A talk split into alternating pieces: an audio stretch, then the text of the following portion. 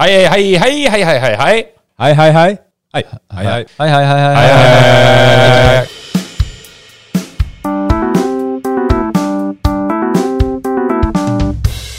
Hei. Den gang da. Hei, hei, hei, hei, hei, og hei, hei, hei, og velkommen til nok en episode av den fantastiske historiske podkasten Den gang da. Du heter Henning, Jeg heter Henning. og vi har hatt det fint hver for oss. Ja, og nå er vi samlet nok en gang for å snakke om historie slik vi gjør her på her vi gjør i Den gang da, som er jo den, denne podkasten som dere kanskje har hørt om. Eller hørt. ja. Samfunnet har åpnet, og vi kan være i studio igjen. Ja. ja, vi, sier- vi har jo et eget Den gang da-hus som vi har bygget uh, for podkastformål. Ja, Det er et forsøk på humor. Ja. Vi er litt rustne, så humoren sitter ikke helt ennå. Men, Men Hans, du har, du har bursdag i dag. Ja, bursdag i dag, Eh, ikke at det- vi skal gjøre noe stor sak ut av det, for vi Nei, er jo voksne menn, så vi, vi gjør ikke noe mer nummer ut av det. Men Nei. gratulerer med dagen. Takk for det, og det er derfor jeg har krone. Ja, den er ikke så veldig fin, men uh, Vi eh, går videre. Det er ikke dette folk er interessert i å høre om. Eh, Kanskje litt om historie, for vi skal snakke om i dag Vi holder oss i middelalderen. Vi snakker om korstog. Som jo er en, eh, på mange måter en ganske kjent del av historien. Mange kanskje har et forhold til begrepet og vet sånn cirka kanskje hva det er for noe. Så vi skal gå litt i dybden på korstogene. Hva, hvordan og hvorfor og hvem osv. Men aller først, hvis man eh, trenger å friske opp litt, hva er et korstog, eller hva er korstogene, da? Ja, fordi det er jo, altså et korstog er jo Ja, det er jo noe annet enn korstogene som historisk la oss kalle det periode eller hendelsesforløp, liksom. Men et korstog eh, kan vel kanskje defineres som en eh, en, en krig i eh, Jesu navn, gjerne. I hvert fall hvis du ser det fra et kristent perspektiv. At man kriger for å gjenvinne et hellig land, eller for å ta eh, kontroll over et område, eller for å vinne en sak for religionen, da. Eh, ja, det ligger jo litt i navnet kors. ja, man kriger Man har korset som fane i krigen. Og tog? Nei, toget fram. Toget fram. Og det, men det var jo sånn det begynte. eh, Vi kan snakke om historien etterpå, men, men eh, korstogsperioden er fra 1095, er liksom det første. eh, Og, og i begynnelsen så snakker man ikke om korstog, man bruker ikke begrepet helt, men man, eh, men man snakker om at man eh, drar på reise eller pilegrimsferd, så man bruker de begrepene eh, om den første krigføringa også, kaller det en pilegrimsferd. For det var jo Man dro på det samme stedet som man Ja. tradisjonelt hadde dratt på pilegrimstur. Så man er på pilegrim, men kriger litt på si? ja, man, ja. Man kaller det ikke for ferie. Nei, det er ikke ferie, nei. Nei. Eh, Det er det ikke. Eh, Men, og det, er, eh, det har sammenheng med, med pilegrimsreisen. fordi En ting er at man drar til det samme stedet, men man, eh, man gjør det jo også av religiøse motiver. da. Uh, Og så etter hvert så begynner man å bruke begrep knytta til korset. At man, eh, at man bruker, eh, bruker korset som symbol på den reisen man er på. Eh, Og så kommer det inn mot slutten av eh, 1100-tallet igjen, tror jeg, at man bruker eh, croissade på fransk, f.eks. Eller croissade uten skarrer, antageligvis. Men at man bruker det begrepet. Ja, for dette er jo en periode der altså, knyttes til hvor den krist, altså vestlige kristendommen, vel å merke hovedsak, altså katolisismen, eh, ønsker å ta, ta kontroll over Jerusalem og andre Ja. hellige byer altså i, i Midtøsten. Mm. Og er jo flere korstog. Man snakker om fra én til to til tre og helt opp til sånn ni. Mm. Ni korstog. Eh, så vi må jo begynne med det første, da. For hva er liksom den historiske konteksten? Hva er det som gjør at de kristne eh, pilegrimene, som du sier, ønsker eller skal dra til Jerusalem og ta over? Hvem er det som styrer deg fra før av, og hvorfor drar dem, og hva ønsker de å oppnå? Kan jo, kanskje kan snakke om både push-faktorer og pull-faktorer, for å si det sånn. Altså hva er det som trekker dem dit, og hva er det som dytter dem dit? Altså det som trekker dem, er jo at Det hellige land, altså Jerusalem, eh, har blitt overtatt uh, Makta der har blitt eh, tatt over av eh, araberne, altså muslimene. Og det er ikke nylig. Er jo, de har jo hatt makt der flere hundre år. Men, eh, men, eh, men det er først nå man tenker at nå er det på tide å agere på det. I hvert fall fra vestlig perspektiv. Da. Og så eh, har det jo vært sånn at eh, Vestkirka, eh, den katolske kirka med hovedsete i Roma og sånn, paven, eh, har hatt konflikter med østlige kirka, altså patriarken i Bysants og keiseren der nede. Og det har vært en splittelse i 50 år tidligere eh, mellom de to kirkene. Og så har eh, denne patriarken og keiseren i eh, Bysants bedt om, eh, bedt om hjelp da, til å eh, nedkjempe eh, muslimer i området. For du har et lite område som kalles Anatolia. Ikke lite område, men det er jo deler av dagens Tyrkia. eh, Hvor da dette folkeslaget som kalles seltsjukker, vanskelig å stave, lettere å si. eh, Og de mist, altså Bysants mister dette området til seltsjukkene i 1073. Ja. Og det er etter dette da denne keiser Alex- Alexios tar kontakt med paven. Og pave Urban den andre svarer på denne oppfordringen, da, sier historien. Nå tar, nå tar det riktignok 20 år før han svarer. Ja, Eh, så, så, så han svarer jo ikke med en gang. og det Velvilligheten er ikke der. Men, han, men, han, men det her er, kommer i europeisk perspektiv, så er det jo også fordi eh, paven har vært i konflikt med, eh, med den tysk-romerske keiseren i tiden før, så han har blitt litt svekka av det. Eh, han prøver å appellere til franske stormenn for å få støtte derfra.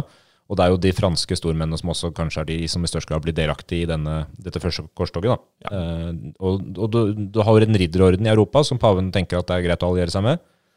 Eh, ja, Og da er vi over på hva som er motiverer andre til å dra. da. Ja, for det- liksom oppsummere litt, for det er jo da altså, eh, Jerusalem, som er jo hellig by i kristendommen, eh, er jo eh, styrt eh, av muslimske Ja, Og det er jo også en hellig by for islam. Ja, og har jo, det har jo gått greit egentlig i mange hundre år.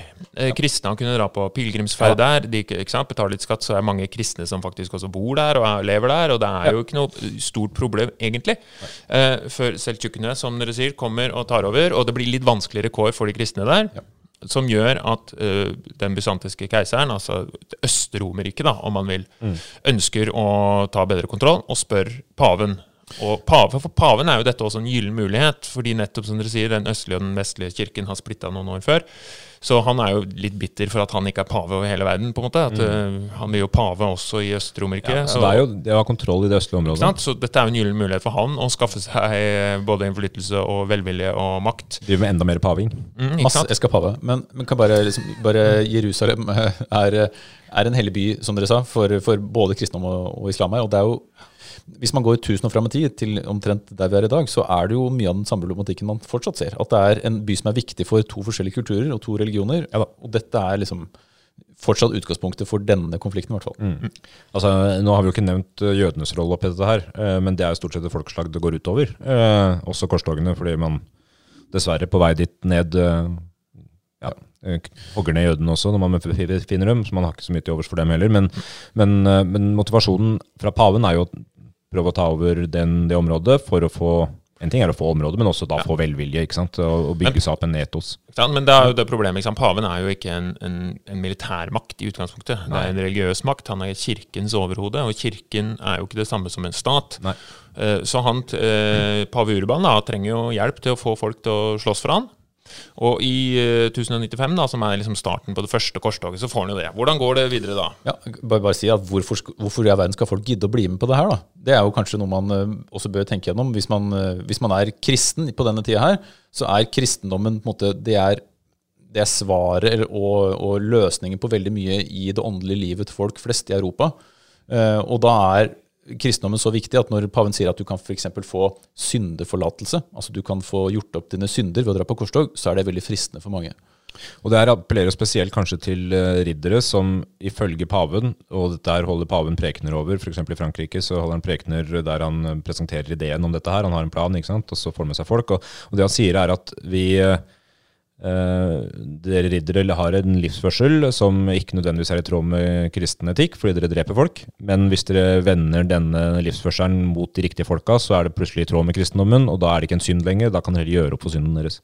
Og for folk som er dypt religiøse, så er dette her en motivasjon. Ja, og de fleste er dypt religiøse. Alle er jo det. Det det var, det var jo ikke noen alternative virkelighetsoppfattelser. Det var liksom Det var, det var sant. Vi kan etablere Ja. det som en sannhet. At kristendommen var Så, sant. så, så gudfryktighet, da, altså det at du er redd for konsekvensen av livet ditt, er ganske levende hos de aller fleste, og dermed vil dette her framstå som en mulighet til å, til å uh, løse det åndelige livet ditt. Da. Men det er jo også selvfølgelig poenget her at det er, jo, det er jo muligheter for å berike seg selv på et, er- sånt, uh, på et sånt type oppdrag. Da. Altså at man, det finnes penger, og det finnes andre motivasjonsfaktorer enn bare Gud. kan jo egentlig trekke inn eventyr òg. Altså eventyrlyst som en viktig drivkraft. Kanskje for noen. Og, og, og for de fattigste, da, de som la oss si at de er, lever som ufrie bønder i et fødalsystem, som mange gjorde i Europa, altså de er, lever livegenskap, så kan også dette være en mulighet for å få noe ut av livet, istedenfor at du skal dyrke åkeren din til ikke noe vinning. Ja, for myten er jo slik at det var liksom en gyllen mulighet også for nummer to og nummer tre sønner av adelsmenn for å eh, på til å få seg en jobb, da. Fordi hvis du ikke arva godset og tittelen, så hva skulle du drive med da? Eh, men det er, det er ikke helt riktig, da har jeg skjønt at det er jo mange andre som drar, av, og mange av både de som er førstesønner og de som ikke er sønner av noen spesielle i det hele tatt. Altså Man klarer jo å raske sammen totalt ca. 60 000 mennesker som drar nedover. Det er det ikke bare adelige, eh, naturlig nok. Det er mye folk. Og 60 000 er mange, det. Eh, I hvert fall når du skal gå fra Frankrike til eh, Jerusalem, som er et stykke.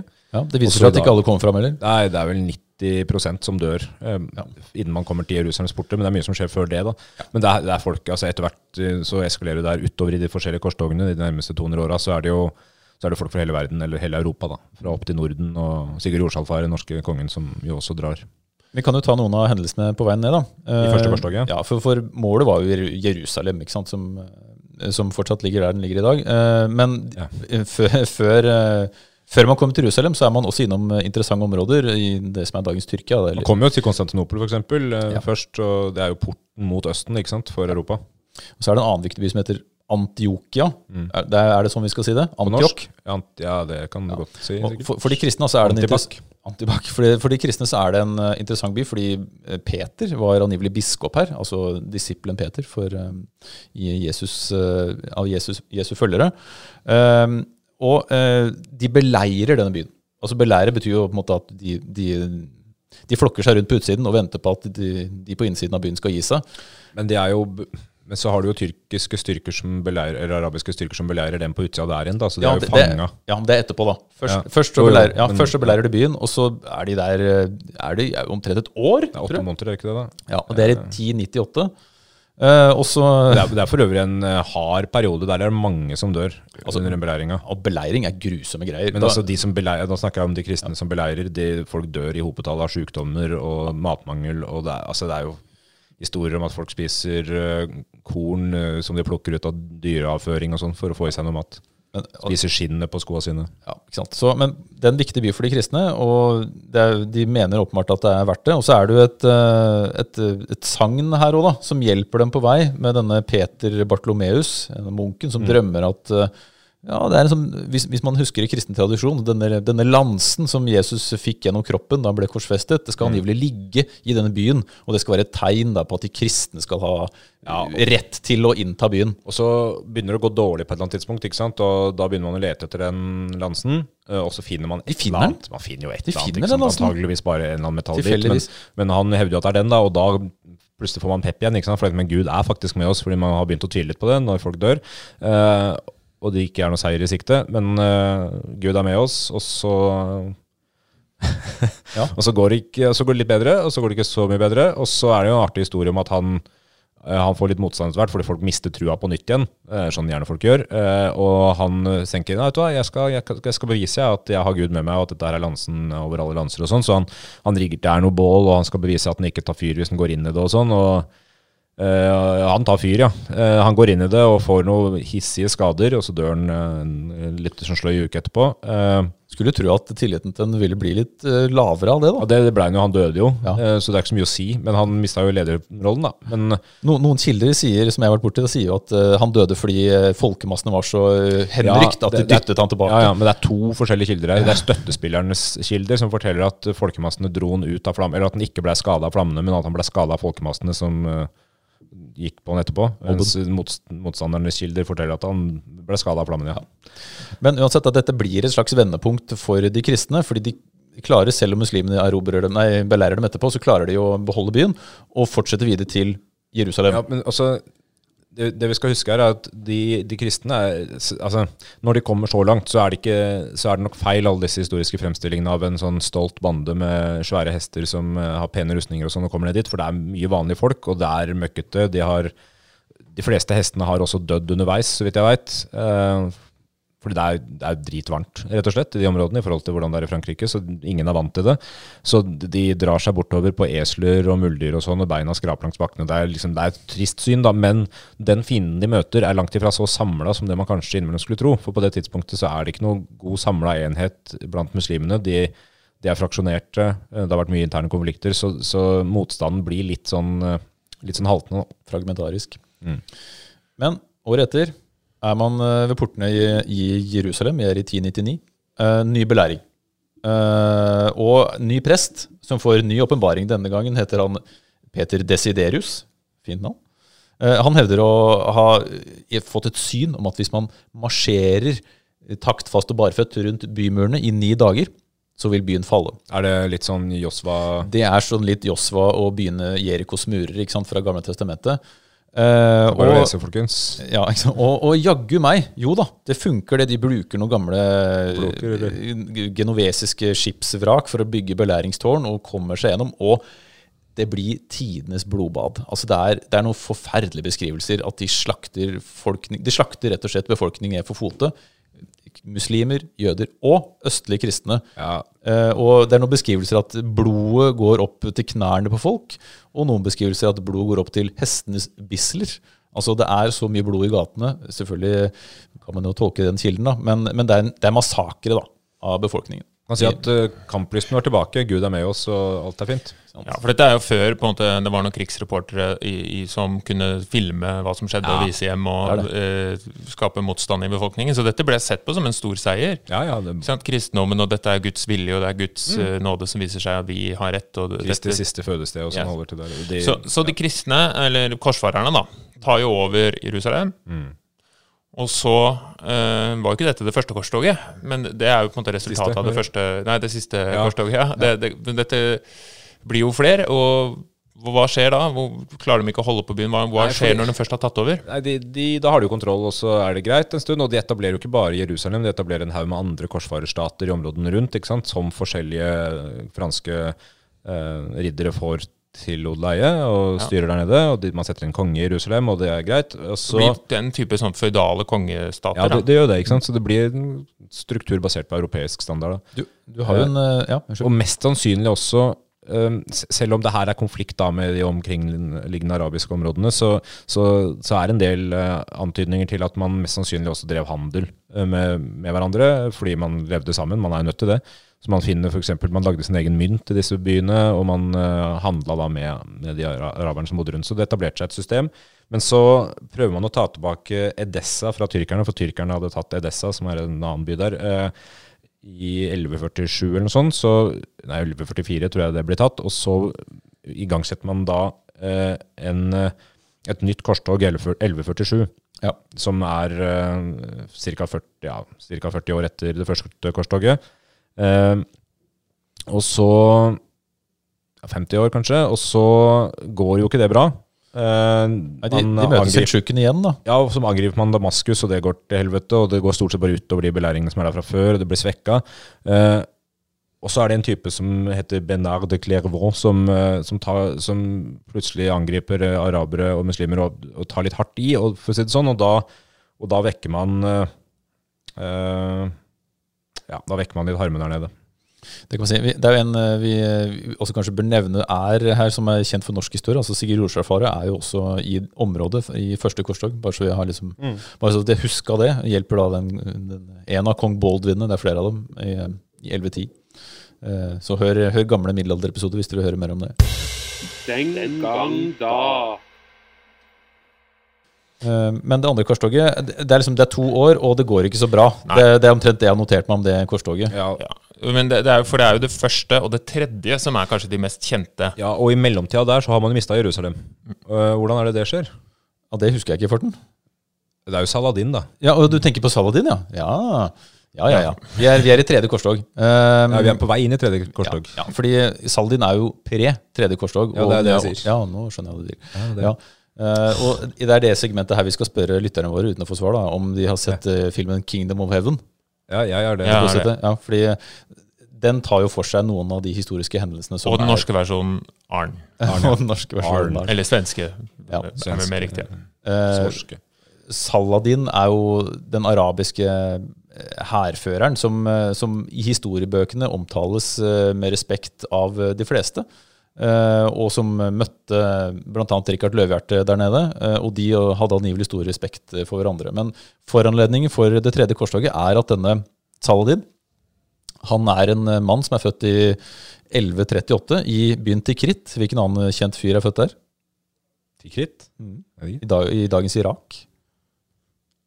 Hussein. Ja, Saddam Hussein. Hussein, ja. Samme fødeby. Uh, han, eh, I begynnelsen av sin karriere så, er han, eh, så slåss han internt mot andre muslimer, men får en slags åpenbaring, han òg. Det er mye åpenbaringer i denne perioden her. Og Åpenbart. åpenbart, og bestemmer seg for å, for å rette sitt eh, skyts mot eh, de kristne uh, korsfarerne. Uh, men um, fra 1177 så har man noen interessante hendelser. Da slåss den og måtte tåle nederlag mot eh, den spedalske kongen. Kong Baldwin den fjerde. Ja, ja. Mm. Han portretteres også for øvrig i filmen, hvis man har lyst til å den følge den. Feite eh, maska og de kule Ja, eh, hanskene.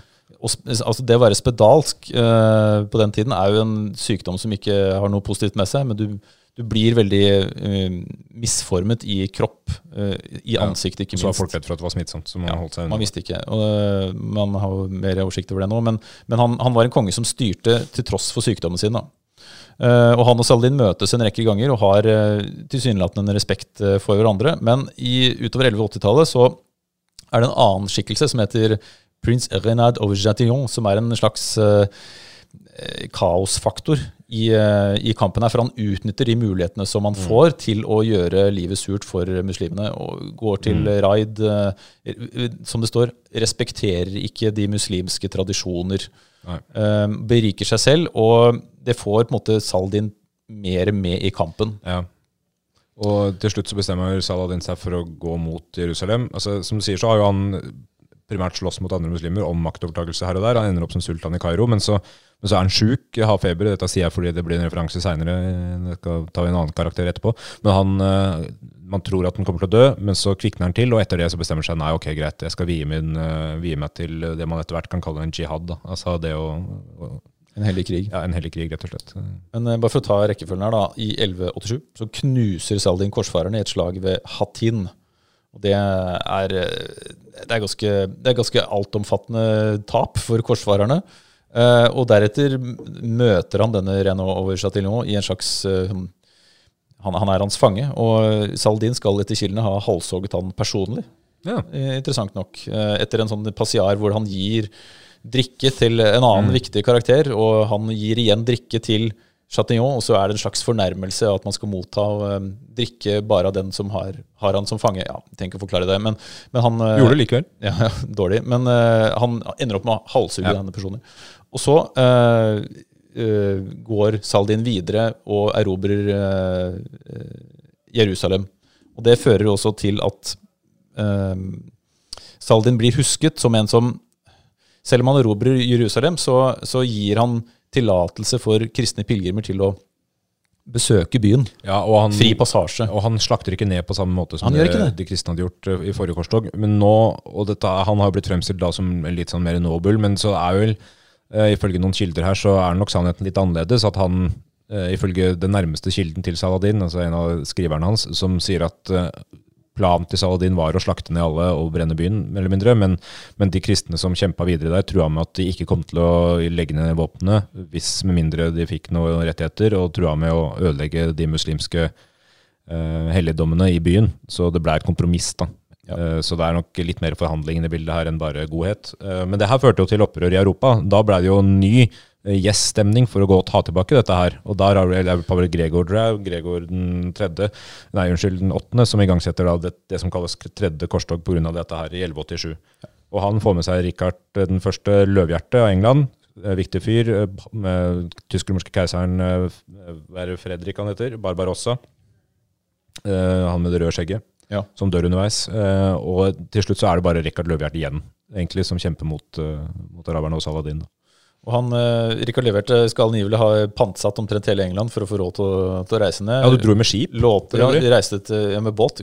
Lurt. Ja, Bedre ja, enn å gå. Ja, men herregud, for noen skipsreise på den tida. De måtte jo, måtte jo bunke altså, De hadde med så mye folk at de antageligvis trengte flere tonn, snur ja, de trengte jo flere tonn med vann om dagen. For å, så de måtte jo innom hver eneste havn omtrent hver dag. Eh, så det tok jo tid, da. Men, men eh, de, de oppnår ikke så mye. Eh, Det er litt sånn standoff mellom han og Saladin. De, de taper ganske store ressurser, begge to. Um, eh, Men, men oppnår ikke så veldig mye likevel, selv om Nei, det blir en våpenhvile til slutt. Det er det det ender opp med. Så han, så han erobrer jo ikke tilbake området. Men det får noen gode historier, da. Ja. Så Jerusalem er fortsatt under Ja, og sånn fortsetter jo. Man tar aldri tilbake det, for du har jo en haug med korstog etter det, med mindre vellykkahet. For det, altså, det vi ser, er jo at det blir kortere korstog, korttog, og, og peppen har gått litt ut av piffen. hvis du kan si det sånn. Kan man si det? Nei. Ja. men Peppen er ute av piffen. eh, så i fjerde korstog på tidlig 1200-tall så, så forsøker man da, da, da planlegger man å gå via Egypt. Eh, og så blir det noe opprør underveis, og så vender man seg jo heller og tar Konstantinopel. Eh, for å prøve å gjøre en sånn teit Ja, hvorfor skal- hvorfor skal man gjøre det? Nei, for jeg tenker, å, Skal man gjøre den til katolsk da istedenfor østromersk? Ja, fordi det var, det var altså, De fjerne korstoget er jo litt spesielt, fordi de trengte, de trengte skulle ha masse båter, og så skulle de få det av han uh, venetianer. Mm. Det er venetianere. Venetians. Venetianere. Og så uh, får de, skal de få det, men så har de, skal- får de ikke alt penger. Så sier ja, men kan ikke dere ta den byen for meg, så skal jeg så, så er det en del av betalinga. Og så sier korsfaren ja, ok, greit da. Problemet var at den byen var jo kristen. Eh, og da Detaljer. ja, så, men da ble de jo fordømt alle sammen og, av paven. Eh, og så skal de videre, og så kommer de altså Konstantinopel. Der var det også en keiser, altså en keiser som hadde nettopp blitt satt av, og sønnen til den avsatte keiseren eh, hen, eh, kom til korsfarerne og sa kan ikke dere hjelpe meg å bli keiser i Konstantinopel. Eh, så skal dere få masse muligheter og penger og greier, og i tillegg så skal jeg innføre katolisismen. Og så hjelper dem eh, denne keiseren da med det, eh, og så får de ikke alt det de skal ha, og så er det en ny keiser som kommer inn, og så ender det opp med at de faktisk snur seg mot altså korsfarerne, da, disse soldatene, mer eller mindre, ikke sant? Altså krigerne som er ute på en slags forsøksliv i cellegkrig, som skal liksom ut og kjempe kristendommens sak, som da vender seg mot kristne Konstantinopel og skaper jo kaos og forferdelighet der. Så det også er jo sånn brudd på en, en også liksom, altså Konstantinopels makt og, og, og det bysantiske riket, som ikke veldig lenge etterpå, noen, altså i 1453, slutter å eksistere. Nettopp fordi det kommer osmanene som kommer inn og tar over der. Så det, måte, det oppnår ingenting, skaper bare kaos og svekker på en måte den politiske stabiliteten i området også. Så som du sier, da, peppen er ute av piffen og sånn. Dette forsterker jo også det. Eh, Så det blir litt som, eh, litt som Politiskolen-filmene. Altså Når du kommer til Politiskolen 7, så er det ikke så mye nei, Det det, ikke begynner, det begynner å gå liksom Ja, det Litt er på jo repeat. påstå at allerede også der er vi nummer fire, ja, kanskje. Men, ja, Men det kommer er jo flere, da. Det er, Ja, jo, du har jo at det- femte korstog Politihøgskolefilmer, eller? Ja, det, Nei, det håper jeg men, Nei, men det, det blir jo flere korstog. Ja, ja, allerede i 1217. Det er jo bare noen eh, ti år etter, omtrent, så kommer du et korstog Det er jo starten på storhetstiden i Norge, når Håkon Håkonsen ja, blir er sant. konge. ikke sant? Det Det må vi ikke glemme. Fint parallell. der. 1217. Ja, eh, og da er det jo det femte korstog. Der, eh, der, der har det fjerde laterankonsil, altså kirkemøtet, en plan De legger en listig plan om å ta tilbake Det hellige land. Sender folk også denne gangen via Egypt, men de strander i Nilen og blir sittende fast der og, kap og kapitulerer. Nilen går over breddene sine, det er bare rør. De har bomma helt på planlegginga, og så taper de eh, og overgir seg stort sett. Gikk, gikk dårlig, har jeg skrevet notatene mine. Det gikk dårlig. Ja. Og så går det Det er ferdig i 21, og så går det syv år, så kommer det et nytt korstog i 28, det er det sjette. Og det er jo et av de få som ikke eller Det er ikke igangsatt av paven engang. Nei, det, vel, det siste er jo det femte, er det ikke det? Nei. Som er igangsatt av paven? Det Ja, ja, Ja. Uh, ja. Som er eh, mindre, Pelagius, det var siste. ja, for det sjette korstoget er jo igangsatt av Fredrik 2., som er tysk-romersk keiser. Han har blitt ekskommunisert av paven og tenker at hvis jeg får tilbake Det hellige land, så kanskje jeg kommer inn i varmen igjen. Ja, altså Ekskommunisert, da, bare for å forklare det. Han, er- han, han kan ikke motta nattverd og dermed frelsen. Fra Han er kirken. utenfor kristendommen. Ja, han blir hivet ut av kirka Kan av ikke komme til grunn diverse konflikter konflikter. Men eh, han eh, drar nedover, eh, beleirer, styrer og klarer å forhandle fram en avtale. Og det, jeg syns det er en relativt god avtale. Det minner om en sånn eh, der du, du tinglyser bruksrett på en tomt, liksom. Eh, Fordi han eh, klarer å få til en avtale der eh, de kristne får styrerett over Jerusalem i ti år. Den er bra. Den er ganske bra. for Hvorfor all verden skulle gi inn det? Men det sikrer fred, på en måte. Ingen vil ha kamp, ikke de som er der fra før heller. Og da blir den tatt inn i varmen igjen Ok. eh, av paven. Men så går det jo ti år, og så mister man bruksretten igjen, og så får du et nytt korstog. En slags fastrenteavtale. ja, ja. Uh, ja. Det syvende korstog i 1248. Og der har vi en interessant karakter, syns jeg. Det er Ludvig den 9. av Frankrike. Ja, ja. Som er verdens mest hellige og tynneste mann. Han er liten, blond og blåøyd, og tror jeg, og veldig hellig. Kjempehellig. Han er så hellig, han. Ja, og- og kan jeg bare Et lite sitat her som jeg, jeg leste om Ludvig 9. i stad, på en leksikonkilde.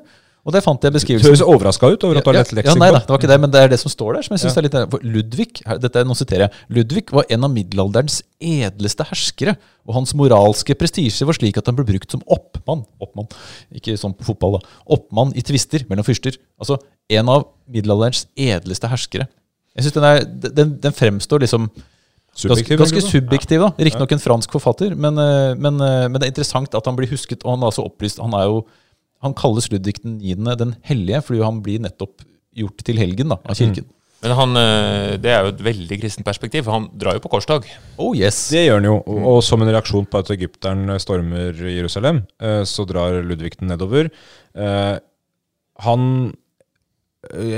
havner i en sånn feberperiode, han òg, hvor han holder på å dø, akkurat som Saladin. Og akkurat som Saladin så kommer han ut av den med en overbevisning om at nå må jeg begå hellig krig, og drar til Jerusalem.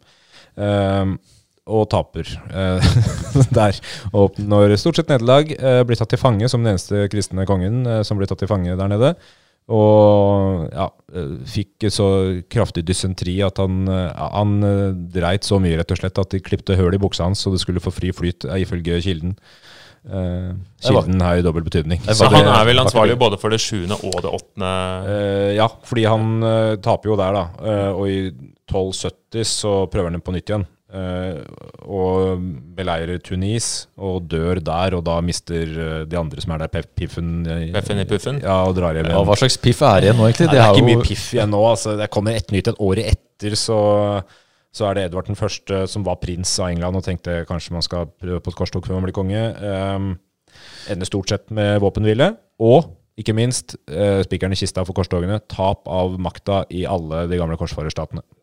Altså, hvis man skal liksom se med, med litt, ja, litt, litt overblikk her, da. Altså, jeg har liksom inntrykk av at det går litt inflasjon i, i merkelappen her. Korstoget, ja. Ja, altså at man, at man, eh, man bruker det som et, um, som et påskudd, åpenbart, til å kjempe til seg ikke bare helligdom, men også verdslig makt, som vi var inne på. da. At eh, ok, kan ikke vi også være med på korstog, da? Ja, men men du- jeg, du ser- jeg vil også ha korstog. Du ser det på motivasjonen. ikke sant? At I de tidlige korstogene så er det bra, bra fart.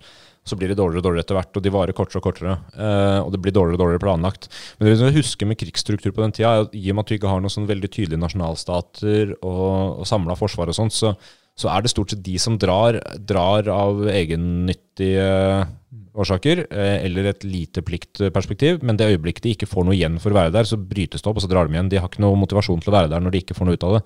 Så når det begynner å gå dårlig, så bare går hæren i oppløsning. Det er det samme du ser med norske leiedagene i middelalderen nå. ikke sant? Ja, ja. Når de herjer i utlandet, så slutter de når de ikke får noe ut av det lenger. Og, og mange er jo med nettopp fordi at de har blitt lovet at de skal få noe igjen for det rent Ja, ja. konkret. Og, så, og får de ikke noe igjen for det, så får de ikke noe igjen for det. Og da gir de ikke mer. Så, Ja. Men så, så den på en måte ender Men hvilke konsekvenser har korstogene fått på kort og lang sikt, da? Vi, har, eh, vi har noen øh, åpenbare. eh, altså det blir jo det blir større kontakt, da, eller tydeligere kontakt mellom øst og vest. Så hvis man skal liksom se fra, fra et økonomisk perspektiv etterpå, så er det kjennskap til hverandres varer og tjenester, så man kan øke handelen, rett og slett. Man, man skaper nye behov ved at varer forflyttes fra øst til vest og motsatt. Så det er en åpenbar hva skal vi kalle det, positiv konsekvens. da, At, eh, at man, eh, man, har en, man har økt handel, rett og slett. Ja, ja. Eh, og så er det jo, hvis man skal gå liksom rent geografisk til verks uh, Nei, unnskyld, uh, det var noe annet jeg tenkte på. Men, men en annen interessant effekt, da, og hvis jeg kan komme inn på denne tempelridderordenen Ja. For dette forbinder jo altså tempelridd, eller tempelherrer, avhengig av hva slags kilde man leser, er jo en, en, en orden med i utgangspunktet lekfolk som kunne operere som en slags prester, egentlig, men som hadde enorm fysisk og militær makt fordi de fikk penger til å utruste folk og soldater med våpen. Og poenget med tempelherreorden, eller tempelridderorden, egentlig, det var jo rett og slett at de når paven utsteder korstog og sender folk langt av gårde, så trenger man Det er en logistisk operasjon å rett og slett sørge for da, mennesker som er langt unna. Og da trenger man mennesker som kan gjøre den jobben. Altså sørge for kost og losji, nærmest. da, Men også for å måte, underholde dem og vite at de gjør, gjør ting på rett måte. Um, så ja, denne ordenen er organisert i et hierarki med den kjente stormesteren på toppen. Og når man begynner å nevne sånne ting som det her, så kommer man jo fort inn på mytene. Om hva, hva forbinder dere med tempelridderorden? Illuminati. Illuminati. ikke sant? Å ja, det er bare jeg som er kjedelig. Jeg forbinder det med fremveksten av bankvesenet. Ja, men og, men den siste der er interessant, da, fordi de hadde jo en, en bankvirksomhet som var veldig eh, for oss virke fram forut for sin tid. For de kunne levere penger inn i en bank et sted, og så kunne de dra hundrevis av mil, og så kunne de ta ut penger i en bank. Ja, med fordi, et verdipapir, ja. ja, fordi man rett og slett hadde ja, finne opp kredittkortet, da. Altså, eller, eller, Sjekken. Eller sjekken. Altså, ja. tillit. For det er jo skummelt å reise over fremmede Med masse penger. eh, Ikke sant? land med masse penger. ja. Så hvis jeg gir pengene mine til deg, jeg får en lapp av deg, og så drar jeg til en annen som er du kjenner på andre siden av ørkenen, som har samme jakka, ja, så kan jeg få pengene mine av han hvis jeg gir den lappen til han. Det er veldig, veldig god Men ordning. ja, men ja da, Illuminati og alt det der. altså Tempelridderorden er jo omsluttet av myter. Også på en måte at de etter hvert ble for mektige og ble slakta ned av Ja, eh, og, my, og mye av grunnen er jo at de, de, er, de er veldig rike på ressurser. Da, og altså Etablert av paven i 1128, men også samla inn enorme verdier. Enormt mye penger. Bygde festninger, forsvarsverk. Eh, og var en betydelig maktfaktor rent fysisk altså i, i, i områdene de var. da. Og eh, selv om orden ble nedlagt i 1312, så har jo tempelridderorden vært årsak til masse spekulasjoner, og det finnes fremdeles. ja, Man og, bruker og, jo navnet den har jo blitt filmer. i, i ja, både filmer og bøker og sånn, hvor de, det er en slags mytisk tanke om en slags edelig soldat som jobber for den gode sak. Ja, Ja, og de har så lenge man er kristen. Ikke sant? Og de har, ja. Ja. Og de har inspirert uh, seinere ordener. altså Hvis du skal bruke en Mm. orden som frimurerorden, da, så har jo de åpenbart vært inspirert av Ja. tempellederne i navnebruk og hierarki og hemmelighold. Liksom Men ikke store- bare av tempelridderne. Du har jo Johannesorden og den tyske orden og en del andre Malteserorden og sånne andre ordener uh, som holdt til ordner og oppførsel, eh, som de driver med i skoleverket. Nei, så, de, så det har jo vært eh, det var- jo mange sånne korsfarerordener etter hvert, fordi man, man, trengte at, eh, man, man trenger et system rundt det. ikke sant? Gjøre ridderne til noe hellig. Og når man kombinerer hellig, hemmelig og masse penger, Ja, så får man liksom Ja, dere sitter, dere har sikkert oversikt over de vise sten, dere vet hvor paktens ark er, dere vet hvor den hellige gral er, men dere gjemmer det for verden. Og Det så er jo konspirasjonsteori Ja, så god som noen. Det var, det var den gangen konspirasjonsteori var sånn, var sånn hyggelig og fantasifullt. Ikke skremmende og verdensomspennende.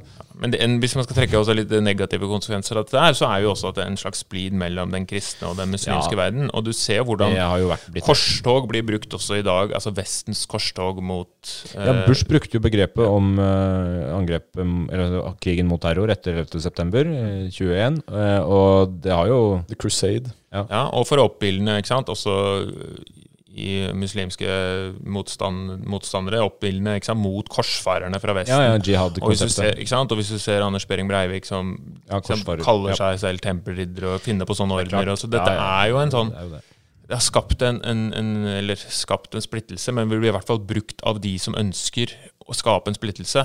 Eh, Så blir det jo brukt aktivt, korstogene. Og så bidrar, det, ja, og så bidrar det til å bli, bli veldig sånn svart-hvitt uh, verdensbilde. Altså oss eller dem. Altså vi, de kristne, mot de, de muslimene. det viser jo historiegjennomgangen vår at det ikke var så enkelt, men at eh, man også kjempet internt og mot hverandre. Men, men, Ja men, men tankegangen om at det er en slags hellig krig, altså et begrep som, som det kjenner jo vi i vårt moderne samfunn. Det er jo ikke bare de, de kristne som forbindes med det. Nei, nei, og, men altså, nå, og nå skal Det, det, det blir jo litt som at uh, nordmenn og engelskmenn skal bruke vikingtida for å skape splid mot hverandre. på en måte. Altså, ja, ja.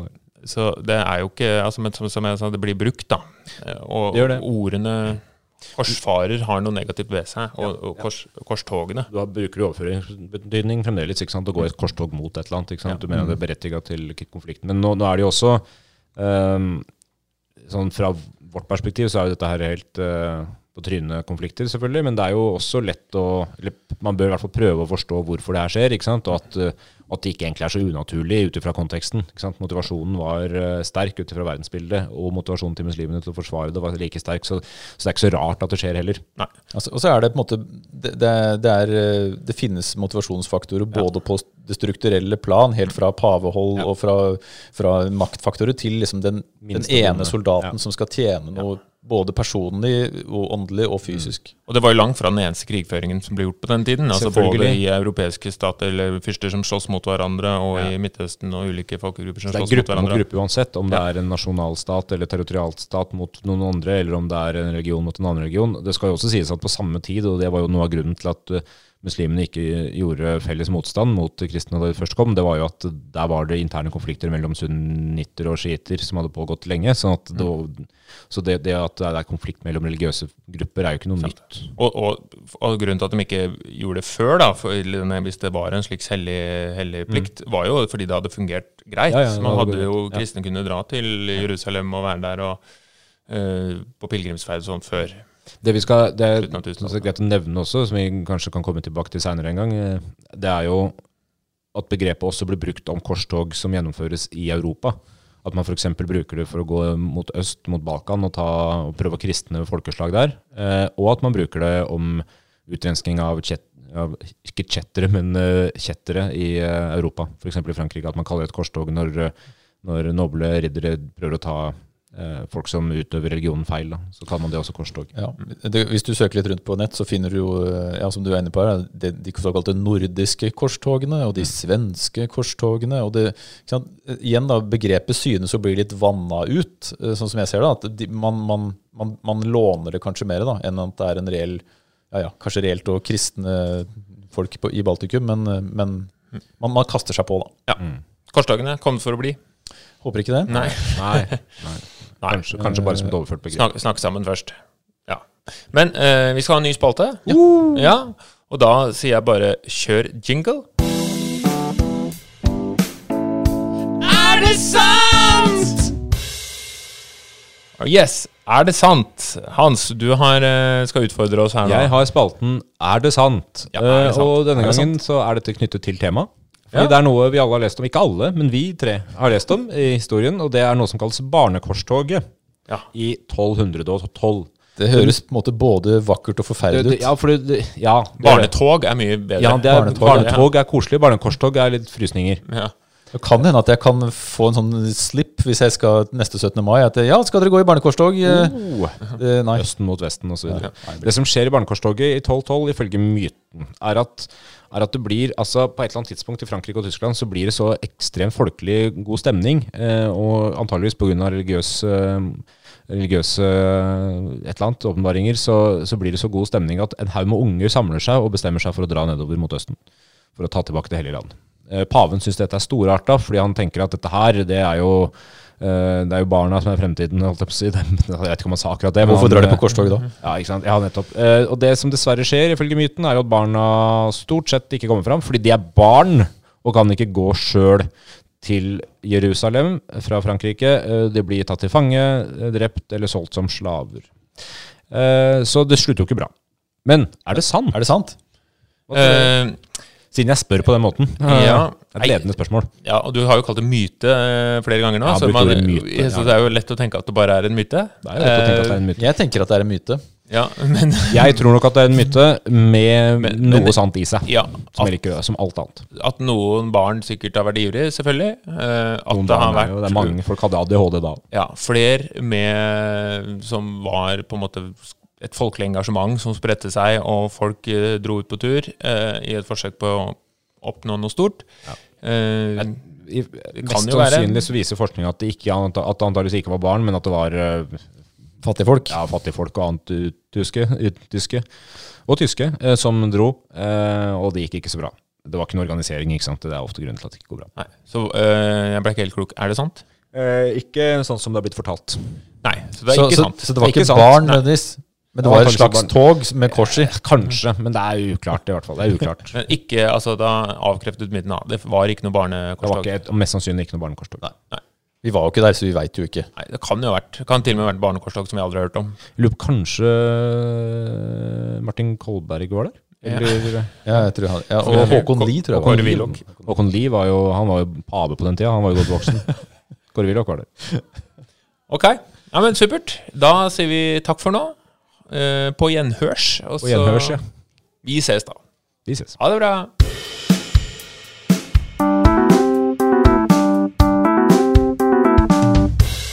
Den gang da.